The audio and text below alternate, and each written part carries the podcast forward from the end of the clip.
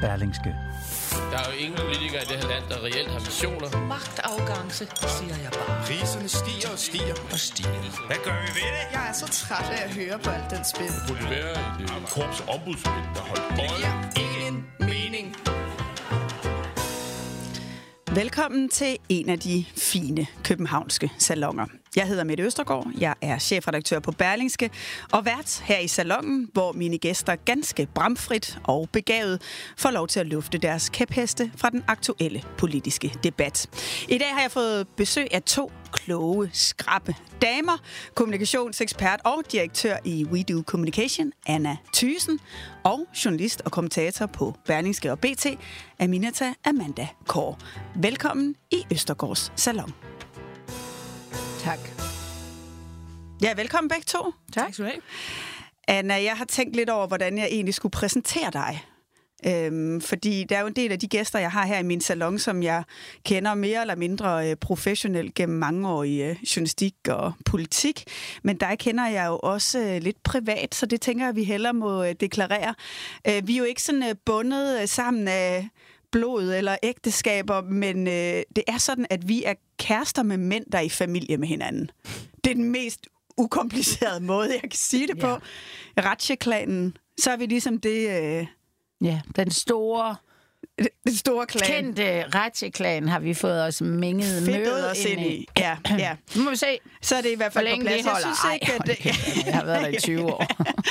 så, øh, så er det i hvert fald ja. På plads. Jeg synes ikke, lytterne de skulle, øh, Nej, de skulle øh, Nej. gå glip af dine analyser, bare fordi vi deler en børnefødselsdag engang. Nej. Nej. Og med den intro, så øh, lad os øh, prøve at springe ud i det.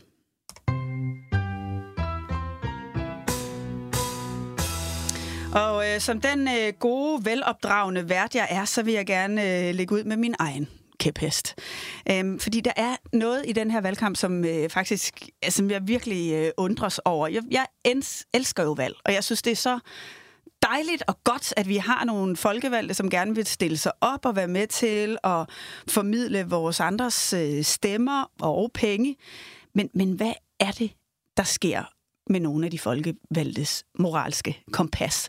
Altså, jeg synes, den her øh, valgkamp er fuld af øh, mere eller mindre alvorlige sager, hvor det virker som om bare man kratter sådan en lille smule i overfladen, så er der rigtig mange, som har nogle sager, hvor de enten har forsøgt at omgå øh, loven eller snyde systemet. Tænker I også det? ja. Ja, altså, jeg har ikke tænkt andet nærmest. Altså, det fylder jo ekstremt meget. Øh, men så kan man så sige, at, at, at den her valgkamp handler så i hvert fald, måske for de konservative, meget om øh, dømmekraft og troværdighed. Mm. Og det er jo lige præcis der, hvor, Det hvor de her... teste her? Ja. ja. Og det, for mig, som kommunikationsrådgiver, der er det meget sådan... Hvad, altså, hvor, kender I det, hvor man sådan kan sige, hvad, hvad havde du forestillet dig, makker? Altså, det er, vi lever jo i en tid, hvor, hvor hvor folk, altså brands vil gerne være sådan personlige. Det vil sige, mm. en politiker kan man jo godt kalde et brand, fordi han eller hun Og de bruger sig jo selv Ja, ekstremt og meget det er jo ikke? bagsiden. Altså, der er ikke noget stopfilter fra hverken medier eller modstandere, er det jo nok mest. Fordi de selv lægger så meget ud på den tallerken der. Mm. Og det, tro, derfor tror jeg, at det vi ser nu, de ting, de går og fedter med, sådan, øh, i, der er totalt gråzoner og flosset, det har altid været der.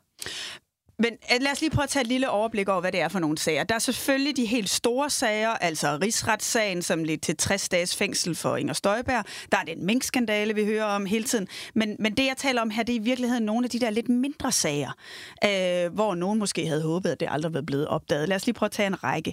Altså, Søren Pape, han bor i en almen bolig i Viborg med udsigt til Viborg Domkirke. En lejlighed, som er alt for stor til at være en almen bolig.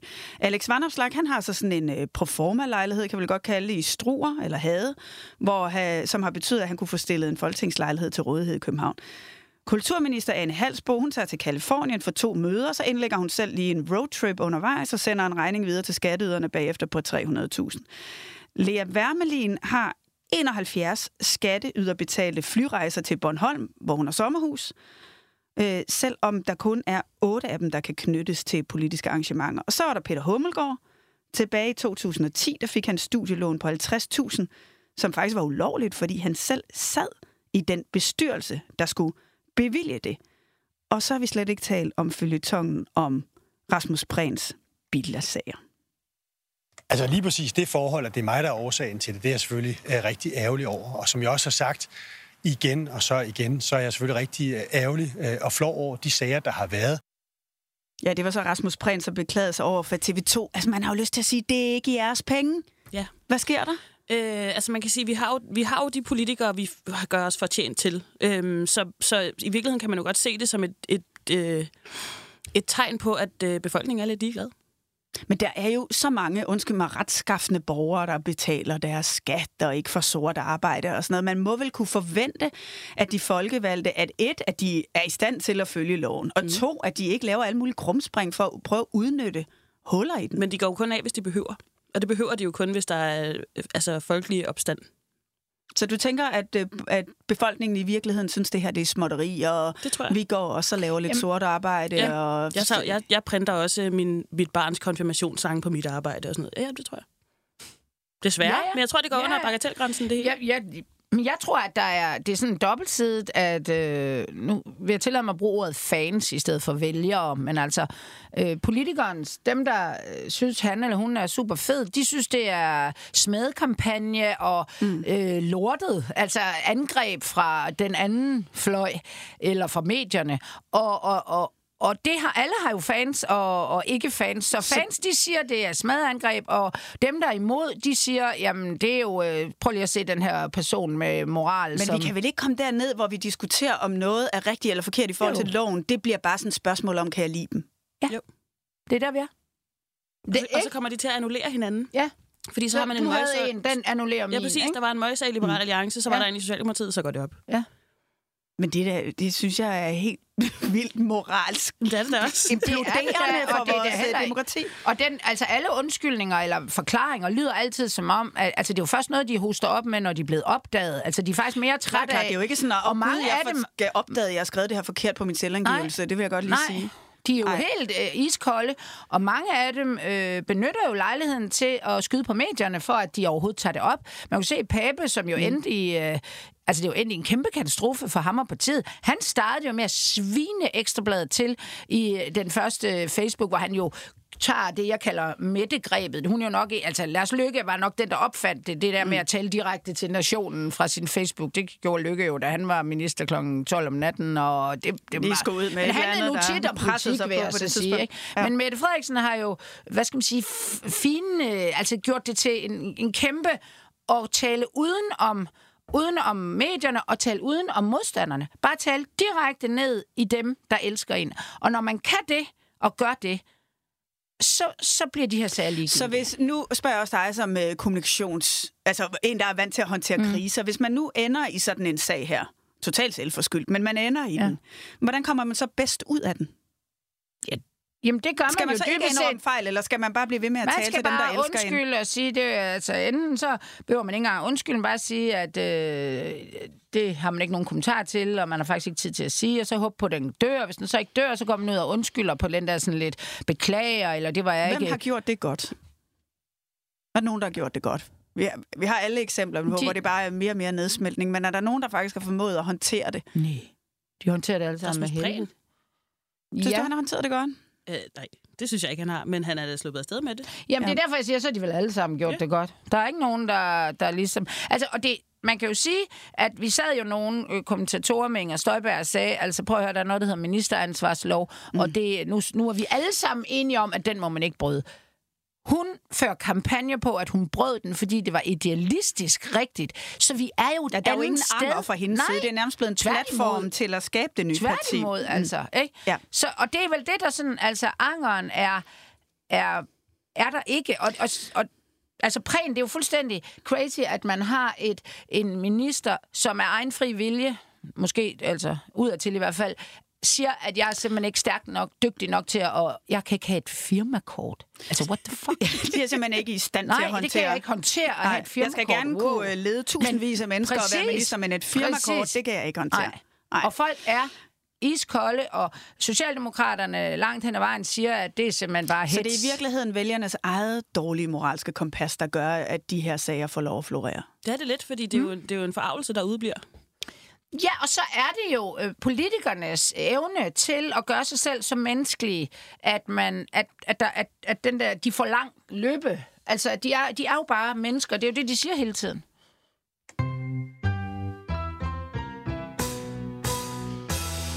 Amen, så vi skal videre til øh, din kæphest, som ja. handler om den borgerlige dogenskab ja. i debatten om identitetspolitik. Hvad mener du med det? Øhm, jeg mener, at man i overvis, altså i overvis, øh, har tabt terræn øh, ved, at man på venstrefløjen har opfundet et sprog for identitetspolitik. Så man har insisteret på den borgerlige fløj, øh, man har simpelthen insisteret på øh, ikke at ville debattere det. Så man har meldt sig selv ud af samtaler om alt. Øhm, man tror stadig, at identitetspolitik er sådan et emne for sig, som man ikke behøver at forholde sig til, øh, og som man er bedst tjent med at holde sig for god til, og overser, at identitetspolitik er i alting. Øhm, det vil sige, at alle mærkesager, man præsenterer på venstrefløjen, kan man gøre i et bestemt sprog, og så kan man få øh, hele den borgerlige fløj til at gå i spagat. Og hvad betyder, hvad betyder det i forhold? Jeg, jeg er sådan set enig i, at der er jo mange borgerlige, som egentlig har sådan lidt ah, det er bare noget pjat, det er vogism. Lige snart vi kan putte den der paraply af vogism ned over det som sådan et retorisk greb, ja. så bliver det noget, man ikke rigtig bliver nødt til at gå ind og forholde sig konkret til. Mm. Altså nogle af de konkrete diskussioner eller forslag, der kommer frem. Ja, altså jeg vil jo påstå, at hele den borgerlige krise handler om det her. Øh, fordi en ting er, at øh, wokeness typisk handler om sådan nogle ting som, og nu er det for eksempel også lytterne begynder at få angst, øh, antiracisme, patriarkatet, øh, øh, hedder sådan noget, veganisme også øh, i en vis grad. Øhm, jeg vil gerne prøve at komme med et eksempel, som øhm, konservative er jo nu ude og sige, at vi skal slå hårdere ned på, når folk bliver drukket i nattelivet. Mm-hmm. Klassisk øh, tryghed og Præcis. strammere straffe. Og, yes. Præcis. God sag. De fleste er nok enige, øh, men en god sag, som jeg synes også, det er dårligt, at folk bliver drukket og voldtaget. Det, det kan vi godt blive enige om. Hvis den var blevet præsenteret på den yderste venstrefløj, så havde man sagt, at vi skal tage et opgør med den toksiske maskulinitet i nattelivet øh, og den patriarkalske klubkultur. Øh, og øh, vi skal have et større fokus på samtykke, når, øh, når folk er ude at danse. Men er det nødvendigvis bedre? Altså Nej, er det sådan et det home run det havde, på venstrefløjen? Det havde fået samtlige partier ja. i den borgerlige fløj til at sige, nej, vi skal holde op en lortesag, vi gider slet ikke snakke om det. Mm. Så men, Altså det, du siger lidt, det er det her borgerlige øh, forslag om drug. Altså det er faktisk et... Ud, det, der her er der noget, hvor de har fat i noget, om det er så bevidst eller ikke bevidst, hvor de ikke er så dogne, hvor de kan få det formuleret på en måde. Øh, nej, fordi du kan... Øh, ikke helt, for du kan sige det om alt. Altså, der er ikke nogen sag, hvor du ikke kan præsentere den i et identitetspolitisk... Altså, forklædt i noget identitetspolitik. Men tror du ikke, at der vil være mange borgerlige vælgere, som vil netop stile, stå helt af, hvis man taler om, om det, er, det er patriarkatet, og det er, det er den maskuline kultur, der gør, at vi skal diskutere det her politik. Jo, og derfor synes jeg, at man som borgerlig politiker eller borgerlig meningsstander skal gå ind i samtalen, og så rydde lidt op i de her meget fluffy begreber, som man helst skal have Ja, for de er jo heller ikke helt så lette at forfatte Det er det nemlig ikke. Øh, det bliver meget noget med kun for folk, der har læst kønsstudier. Men så snart man øh, frasiger sig al politik, som bliver præsenteret i de vendinger, mm. så taber man jo terræn. Fordi så betyder det jo, at den ene dagsorden efter den anden løber man med på venstrefløjen, hvor man ikke er allergisk over for ord som patriarkatet. Ikke? Jeg synes, vi så det allerede, øh, øh, ja, først faktisk allerede med klimadiskussionen. Ja, på et tidspunkt jeg elsker bacon, var, så var den lukket. Ja, præcis. Og det var lidt som om, jamen, øh, klimadiskussionen, selvom der var en grundlæggende præmis om, at der faktuelt videnskabeligt er problemer, mm. så bliver det lidt sådan noget, om det er sådan nogle venstrefløjshippier, der ja. løber og løber og fedter lidt med det. Mm. Øh, men, men det, der jo er, er sandheden nu, det er jo, at alle partier, selv Pia Kærsgaard, der taler om klimatosser, mm. bliver nødt til at have en klimapolitik. Øhm, og man kan se alle mulige erhvervsfremstød og green tech og forskning og alt muligt, som, som den borgerlige fløj måske har lettere ved at tale ind i.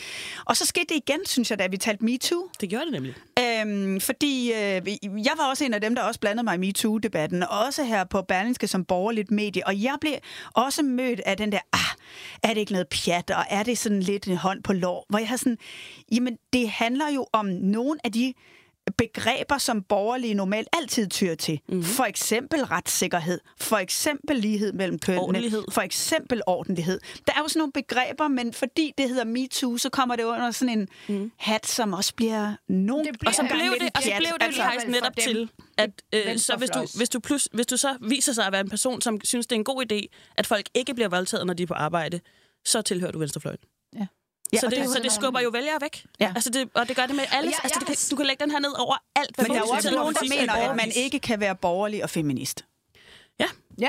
Øh, jeg, jeg jeg, gætter på, ikke, at vi jeg er kæmper tre der i studiet. Ja, ja, jeg, jeg skal stå og... Altså, hvis jeg siger det i en eller anden, altså i en eller anden helt anden sammenhæng, men bare sådan, så, kan vi, så, så skal vi diskutere det. Altså, det mm. kan jeg ikke. Og jeg kan huske, jeg havde en... Jeg har jo haft mange af de her bisidersager i, uh, i MeToo. Og der var jeg faktisk i et stort borgerligt parti, som lige gik godt her. Men så lige pludselig gik det dårligt af sager, vi lige har talt om. Øh, og de havde altså en uh, MeToo-sag ude i landet, øh, i sådan noget byrådshalløjse, ikke? hvor jeg sidder og bisidder med den her øh, kvinde, der er blevet krænket af sådan en partitype der. Hvor jeg på et tidspunkt siger, nu må I simpelthen stoppe. Det er jer med retssikkerhed. Det er jer, altså hvad fanden er der blevet af at opføre sig ordentligt? Mm. Altså i det hele taget, for det det her, der var mange eksempler på, at vedkommende ikke altså den her, altså, og det, det, de blev tosset på mig. Men det er interessant, hvordan det Men det bevæger sig, fordi nu tal... Ja, ja. Fordi det er jo ikke... Det er jo ikke altså, øh, der er Nå, men også, når du siger det på den der måde, altså, så er det jo klart, at vi må jo ikke være uenige i. Man skal jo ikke blive voldtaget men, på men sit jeg arbejde. sad jo også med et offer, der var medlem af det her partis ungdomsorganisation. Det var jo ikke en enhedsliste øh, PI, jeg sad med, der øh, var, gik op i alt muligt. Hun var jo dybest set øh, enig med dem i mange ting, men, og var jo fuldstændig også øh, lamslået over, hvordan de behandlede hende Men i det her forhold til... dogenskaben kommer i spil, fordi Ja. problemet er, at man slet ikke går ind i samtalen. Øh, et mindre eksempel er også dem, der, øh, der er nogen, der snakker om feministiske legepladser. Ja. Som jo også er noget, der får folk til at vende øjne og gå Ja. væk, fordi det gider slet ikke snakke om. Det, man siger, er jo i virkeligheden bare, skal vi lave nogle legepladser, hvor man ikke kun kan stå på skateboard. Ja. Og hvis man lige gad at forholde sig til det ja. som borgerlig eller blå mm. politiker, øh, så kunne man jo faktisk slå de her... Øh, øh, de her venstrefløjstyper i deres eget spil, fordi hvad fanden er en feministisk legeplads, ja. og hvorfor er de i virkeligheden selv så kønsstereotype, og hvorfor piger kan vel også stå på... Altså, du ved, man kan jo sagtens gå ind i samtalen, men, Men man der er også noget med, hvordan de der debatter udvikler sig. Altså, fordi øh, det er jo ligesom om, på et tidspunkt kommer de borgerlige med, det er bare sindssygt sent. Ja. Så så vi det med klima. Vi ser det også nu til dels på MeToo. Mm. Så er der en anden del af identitetspolitikken, som er nogle af de eksempler, du nævner, hvor det, altså, det er røde knopper og hænderne op, og det kan vi ikke diskutere. Altså ordet identitetspolitik alene er jo nok til at få øh, mange borgerlige politikere til at slå ikke? Og identitetspolitik er jo bare en samtale om, hvad vej samfundet skal ændre sig i.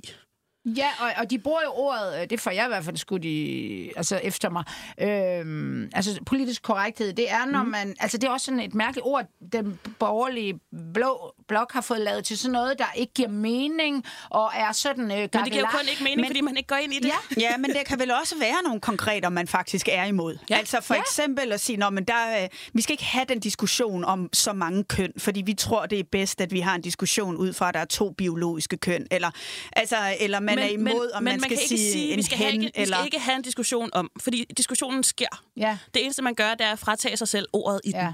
Det er lidt, Fra at tage sig sin egen stemme i debatten. Så, det-. Så, så, så det, er jo en, det er jo en samtale, der foregår. Det er jo nogle regler, der bliver indført. Det er jo en, altså, samf- samfundet udvikler sig. Man ja. kan bare så sætte sig på hænderne og sige, vi gider ikke være med. Men man kan, Ja, og i stedet for at melde sig ud og sige, det her det vil vi ikke tale om, fordi det er en latterlig diskussion om, øh, om de her, så f- fortæl, hvad man så mener, i stedet for.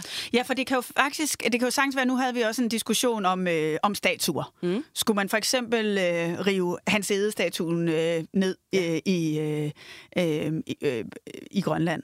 Øh, og øh, det kan man jo sagtens mene, at det skal vi ikke gøre, fordi den symboliserer noget historie, vi skal huske, mm. og det skal vi lære noget af, så der er noget, der ikke gentager sig. Mm.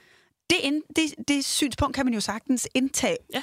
og samtidig indgå i en diskussion Jeg omkring så det samme med identitetspolitik. Spis, når jeg diskuterede med folk, man er jo klar, hvor meget han har gjort. Øh, ved, altså, så er vi vel ikke lykkelige over at kunne tage på charterferie, men det er åbenbart en kæmpe ting, han har gjort med de fucking charterferier der. Og jeg er bare sådan, jamen, jamen det har han jo alligevel, men vi må da kunne diskutere om den måde, vi fremstiller ham på, at den ikke kunne være lidt mere nuanceret. Og det er bare sådan, det er som om, det er altid enten eller. Men er det ikke fair nok at have det udgangspunkt, at man synes, der var nogle ting, der var bedre i gamle dage? Jo, men det er ikke engang mit indtryk, at det, er, at det er det, der er udgangspunktet. Det er jo mere, det er bedre nu. Og hvis du ikke vil have, at samfundet udvikler sig, hvad i alverden laver du så i politik? Fra det det nu. Ja. Nu har vi to køn. Fint nok, at kvinder er kommet ind på arbejdsmarkedet. Fint nok, at abort også er en ting. Men vi skal ikke mere nu. Så Og det er vel også fair nok, den, altså den der hedder, altså er det ikke en, en borgerlig ting at sige, at noget af det her, altså når det bliver mindre, mindretalsdemokrati, mm. i stedet for flertalsdemokrati, altså den der mærkelige øh, var det ikke en, øh, en eller anden Københavns Kommune, der, at man ikke måtte kalde børn øh, eller mor og far. For det første var det jo slet ikke det, de sagde. Altså, der, der sker jo også et eller andet i, at man ikke engang kan... Altså, det bliver sådan noget for en hørensagen. Der står jo bare, at I skal være opmærksom på, at der er nogle børn, der ikke har mor og far, og så kan I jo sige medforældre, hvad fanden det var. Det blev jo i den borgerlige til, at alle skulle nu hedde medforældre, og man måtte ikke sige mor og far. Det er jo også... Altså, det, der vinder venstrefløjen i orden, fordi de kan jo dybest set bare prøve at lægge det der frem, hvis det er det, de vil. Og så, så, har, man, så har man også lavet være med at diskutere det, og det er jo dumt at tage sådan nogle sager, hvor, i stedet for at tage nogle sager, man reelt kunne vinde på. Mm. Vi øh, bevæger os lige så stille fra øh, Aminatas kæphest over til Annas, som ligger lidt i forlængelse mm. af den her diskussion. I hvert fald også, hvordan, øh, hvor- hvordan vi, diskuterer også bestemte grupper. Øhm, fordi din kæphest, Anna, den handler om, at vi i et misforstået hensyn nogle gange vender det blinde øje til den kvindeundertrykkelse, som sker især måske af, af indvandrerkvinder. Øh, her i landet, også i udlandet måske i virkeligheden, øhm, hvor vi ved, at der er problemer med social kontrol og nogle steder også øh, klart manglende ligestilling. Og vi kunne jo sagtens tale om netop rettigheder og altså menneskerettigheder, men, men det bliver lidt som om, at vi kommer ikke farne os debattører altid med helt samme kraft, som når vi skal diskutere, om øh, kvinderne nu har nok øh, pladser i bestyrelserne. Nej. Og det, jeg, det, er det er fint med de bestyrelsespladser der, og der er jo plads, plads til flere diskussioner, men jeg synes bare, at vi har en, altså, vi har en kedelig tendens til, og der, der er måske også øh, nylig... Øh, Altså inspireret af det, Aminata siger om, om den der dogenskab, og øh, måske også noget, at, at vi simpelthen ikke tør at gå ind i de her øh, snakke. Og jeg som, som sådan, nu sidder jeg igen, øh, blålig, blå, øh, et eller andet, hvad jeg skal kalde det. Jeg, jeg oplever jo, at, at i Danmark, altså i diskussionen, der, der overruler, øh, altså øh, danskernes racisme mod brune mennesker, den dagsorden, den overruler øh, for eksempel brune mænds undertrykkelse af brune kvinder. Prøv at forklare det. Jamen, det er sådan... Altså, det, det er som om, at det er synd for for eksempel, og nu kan jeg være helt konkret, for, øh, for muslimer i Danmark, at vi øh, skælder ud på mændene øh, over, at de, øh, nogle af de mænd, der har, altså at der er et, et øh, kvindeundertrykkende syn, eller at de bare, øh, altså for eksempel hele social kontrol-debatten, det, det kan vi ikke rigtig lide. Og det ser jeg jo mest på, på, på venstrefløjen, at Altså, at for eksempel nu her er der i Iran, øh, er der en kæmpe et, et oprør i Iran, vi aldrig har set før. Det er jo et af de mest øh, vilde præstestyre dernede. Fuldstændig undertrykkende. Og der er der en skræk for at tale om det i Danmark, fordi man er bange for, at kvinder med slør i Danmark, øh, at man ligesom er imod dem også. Det er sådan noget klassisk politik, hvor det må Ja. ikke lyde som... Nej. Altså, man på, at vi ikke kritiserer nogen, så de lyder, hvis som om de er enige med ned andre. til Iran, øh, hvis jeg kunne over finde ud af det, og var med til en, øh, en demonstration, og, øh, og brændte, altså tog en hijab og brændte den. Mm. Altså, jeg ved ikke, om jeg ville blive en held i Danmark, men hvis det vi i hvert fald, det er det, vi hylder, de gør dernede. Mm. Hvis jeg stillede mig på Rådhuspladsen og brændte en hijab, så var jeg eddermame. Så var du me- racist. Racist, islamofob, hele lortet. Og jeg insisterer bare på, at når jeg, vi har en samtale om de her, så gider jeg simpelthen ikke at høre på, at jeg er racist. Fordi at, og jeg, endda, jeg, kan, jeg kan stå på kvinder i 70'ernes rygge, der har gjort alt muligt. Men når det kommer til indvandrerkvinder, og det er, SF er nok nogle af dem, der har været bedst til at klare det, altså at kunne, kunne have en eller anden holdning, der er, vi, der er jeg Pia Kærsgaard, jeg er Inger Støjberg, jeg er, jeg er øh, hvad hedder hun, øh, Pernille Vermund. Så snart jeg siger noget, hvor jeg jo bare egentlig synes, jeg taler om en eller anden form for solidaritet med de kvinder, også herhjemme, der ikke gider at finde sig i at blive fucking undertrykt. Jamen, altså, du skrev faktisk også en klumme i BT øh, for nylig om det her spørgsmål. Ja. Altså spørgsmålet om tørklædedebatten herhjemme kontra mm. tørklædediskussionen i Iran. Ja. Mm. Øh, altså, jeg synes jo, at her er det venstrefløjen, der er de dogne, og mm. i den grad lader øh, kvinder, ja. der er undertrykt i Danmark, i stikken. Øh, fordi de ligesom har twistet øh, det, som de i virkeligheden øh, protesterer imod i Iran, til at det handler om kvinders øh, ret til selv at bestemme over egen krop. Så det er Ja. fuldstændig det samme Ja. som kvinder, øh, som vælger at tage tørklæde på, så det skal vi kæmpe for. Og det er, altså jeg har lyst til at sige, hvad bilder de sig Ja, ind. jeg synes det, er, det er så, det er så langt ude. Frækt. Det er det. Og jeg, og jeg Altså, og jeg, jeg kan simpelthen ikke... Øh, altså, i min lille analyse, der er det, at der er det nærmest en læflen fra venstrefløjen Ja, det for den brune, undertrykkende mand. Ja. Og jeg forstår det ikke. Og vel også en diskussion om, om staten skal have lov til at bestemme, Ja. ja. hvordan man går klædt. Ja. Og det, det kan så være øh, alt fra Ja. Tørklæder i grundskolen og... til øh, Irans præstestyre. Ja, Men det er jo præcis. i hvert fald... Om, Men det, men det er jo, men det er jo, det er jo, det er jo et bi- bizart lobby, lobbygreb. Øhm, fordi så snart man siger, at det er det samme som kvinder, ja. der skal have lov til at tage tørklæde Ja. på, så ignorerer vi, at der ja. også er kvinder i Danmark, ja. som øh, ikke selv kan bestemme, Ja. at de har tørklæde på. Ja. Mm. Altså, jeg Og, forstår... og, dem, og dem taler vi ikke om, fordi det er for komplekst, og så lyder vi også sådan lidt som om, at vi også kan kritisere nogle muslimer, og det må vi aldrig gøre Nej, på venstrefløjen, nej. så, så nu, så nu Og jeg lader vi bare, som om det er meget farligt at diskutere tørklædet. Ja, det er fuldstændig. Og, og jeg kan huske, da jeg, jeg var i Tyrkiet øh, sådan på en eller anden ferie for mange år siden, øh, hvor Erdogan jo altså, var ved magten. Og der måtte... Øh, altså, det var jo meget mere sekulært dengang. Der måtte tyrkiske piger, de måtte ikke have tørklæde på i skolen. Det var jeg sgu noget overrasket over. Mm. Øh, altså, det, og på universiteter og noget. Og det er jo senere blevet lavet om. Han er jo blevet... Jeg tror ikke, han er blevet... Øh, det skal jeg ikke kunne sige. Jeg kender ikke Erdogan, men han virker ikke som om, han er blevet mere religiøs. Han har bare fundet ud af, at det er den måde, magten øh, skal forvaltes på.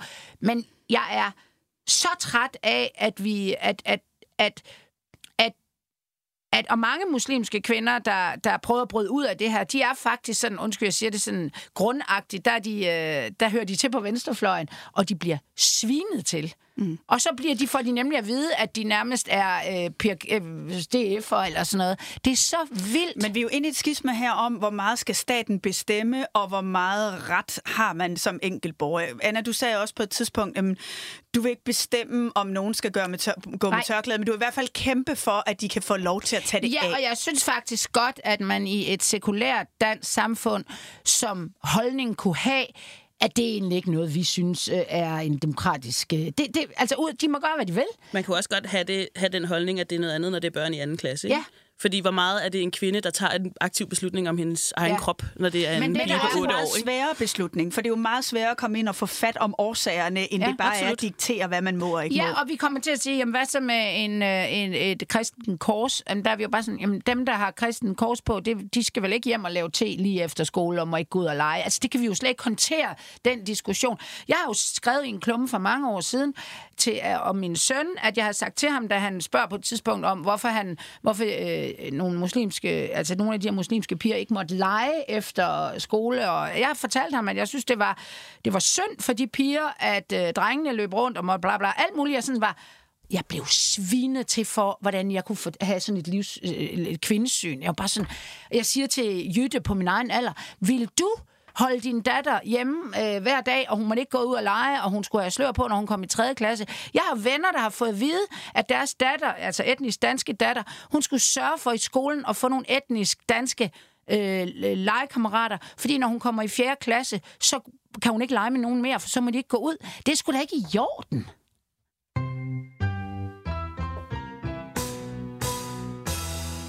Jeg synes, det er en vanvittig vigtig diskussion, fordi det handler om, sådan, hvad er det for et sprog, vi bruger mm. til at diskutere nogle af de samme emner, og kan vi bare blokere vi for hinanden i virkeligheden for at have en dialog, fordi der bliver lagt sådan nogle paraplyer ud over.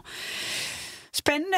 Øhm, nu skal vi faktisk til, øh, til det sidste lille emne i dag, øh, og jeg har lyst til at sige, at vi starter, eller vi slutter lidt, hvor vi også øh, startede, nemlig med nogle af de her fejl, politikerne øh, begår. Fordi øh, det der med at indrømme fejl, det er jo ikke specielt nemt for politikerne her i øh, valgkampen.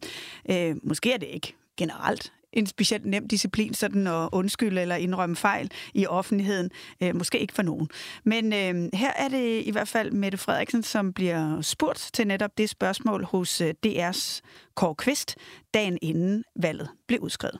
Kan det så også have noget at gøre med, at det der med at indrømme fejl ikke er din paradedisciplin? Jamen, jeg indrømmer gerne fejl. Kan du nævne tre fejl, store fejl, du har begået som statsminister?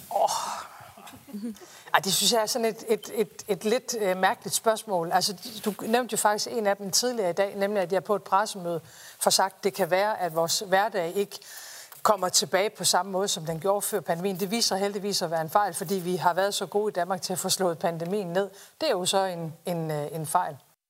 Ja, det svarer jo sådan lidt til at sidde til en jobsamtale og sige, at min største svaghed, det er, at jeg er så ambitiøs. Mm. Hvorfor er det så svært at indrømme fejl? Altså, øh, jamen det er det jo, fordi hun ikke har noget at vinde på det. Hvad siger kommunikationseksperten? Altså, jeg bliver bare nødt til at sige, at, øh, at øh, Mette Frederiksen, hun er nok en af dem, der gør det bedst. Mm. Fordi hun for eksempel over for... Altså, hun har jo nærmest brugt det her i valgkampen mm. direkte efter, hun har sagt altså, bed, altså fejl, det er, hun bliver anklaget for at lyve.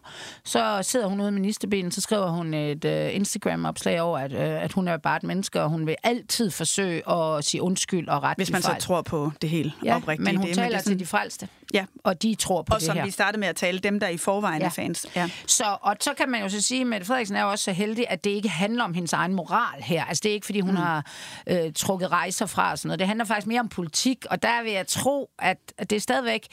Altså det kan godt gøre noget, men, men de der moralfejl, altså hvor du snyder med ting og sådan noget, der er der i hvert fald, som Aminata siger, ikke noget at vinde ved at... Nej, altså. altså tværtimod vinder hun jo på, at den borgerlige fløj ja. bruger enormt meget tid på, at hun skal sige undskyld. Ja. Og, hvad, og hvad, altså, og hvordan hun... skal det få nogen til at stemme på Jacob ja. Ellemann, at han Ved, siger, at... hun har ikke sagt undskyld? Ja, altså, hvad, altså det, det, det siger... Ja, hvor de ikke taler om deres egen politik. Ja, præcis. altså jeg vil... Altså, når jeg går ud af det her studie, så er jeg endnu mere øh, overbevist om, at, øh, altså, at, at den der dogenskab, du taler om, altså jeg ved ikke, om det er dogenskab eller dumhed i den her valgkamp for, øh, for de borgerlige. Men altså, hvis ikke de vinder, så kan de med dem kigge sig selv i spejlet og se løsningen. Det er deres egen skyld. Hvis vi sådan lige generelt skal tale om det her til sidst, hvis man skal give en ordentlig undskyldning, om man så er erhvervsleder eller man er politiker, hvordan gør man det bedst, Anna?